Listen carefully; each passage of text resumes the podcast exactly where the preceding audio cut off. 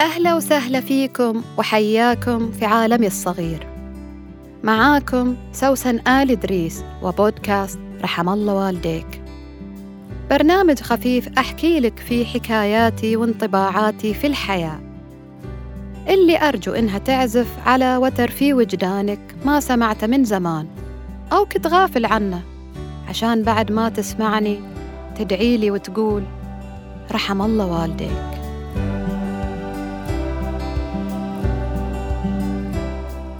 أنا ما أغلط يا ترى هل سمعت في حياتك أحد يتبجح ويقول دي العبارة بالفم المليان؟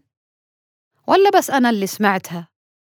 من ناس ما أقدر أقول عنهم غير إنهم غريبين الأطوار والمزاج هل يا ترى ما سمعوا في حياتهم إنه كلنا خطاؤون وإن ما حد معصوم من الغلط وأن عفي عن أمتي الخطأ والنسيان وما استكرهوا عليه أكيد سمعوها لابد مرت عليهم طيب ويش اللي خلاهم في وقت الغضب والخلافات يقولوا العبارة دي؟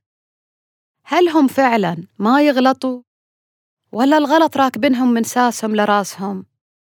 وعايشين في كذب على الناس وصدقوا كذبتهم قال إيش؟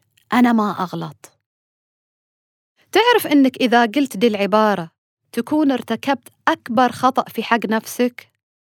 إنك نفيت إنك من البشر وهم حتى في أعلى مراتبهم.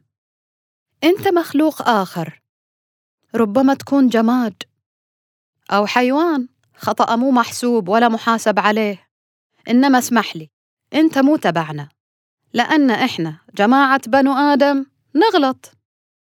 من أيام أبونا آدم وإحنا نغلط ونستغفر ونتأسف أو نقع في مستنقع الخطيئة والعياذ بالله ونستمر معاها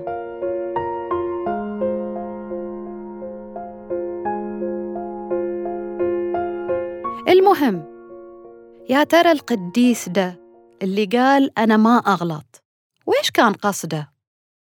على اعتبار إنه واعي ويش هو قال هو قصد مختلف تماماً عن تزكية نفسه من الخطيئة والزلات.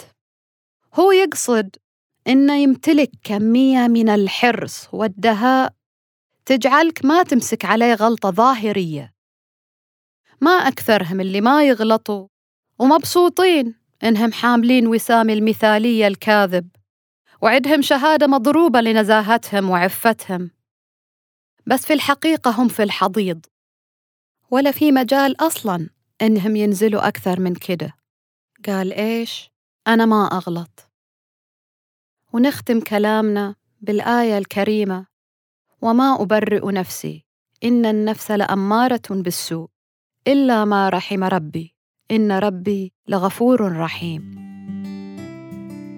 وأقول لكل إنسان أخطأ واستغفر وتأسف وكفر عن خطأه. أنت إنسان عظيم. ورحم الله والديك.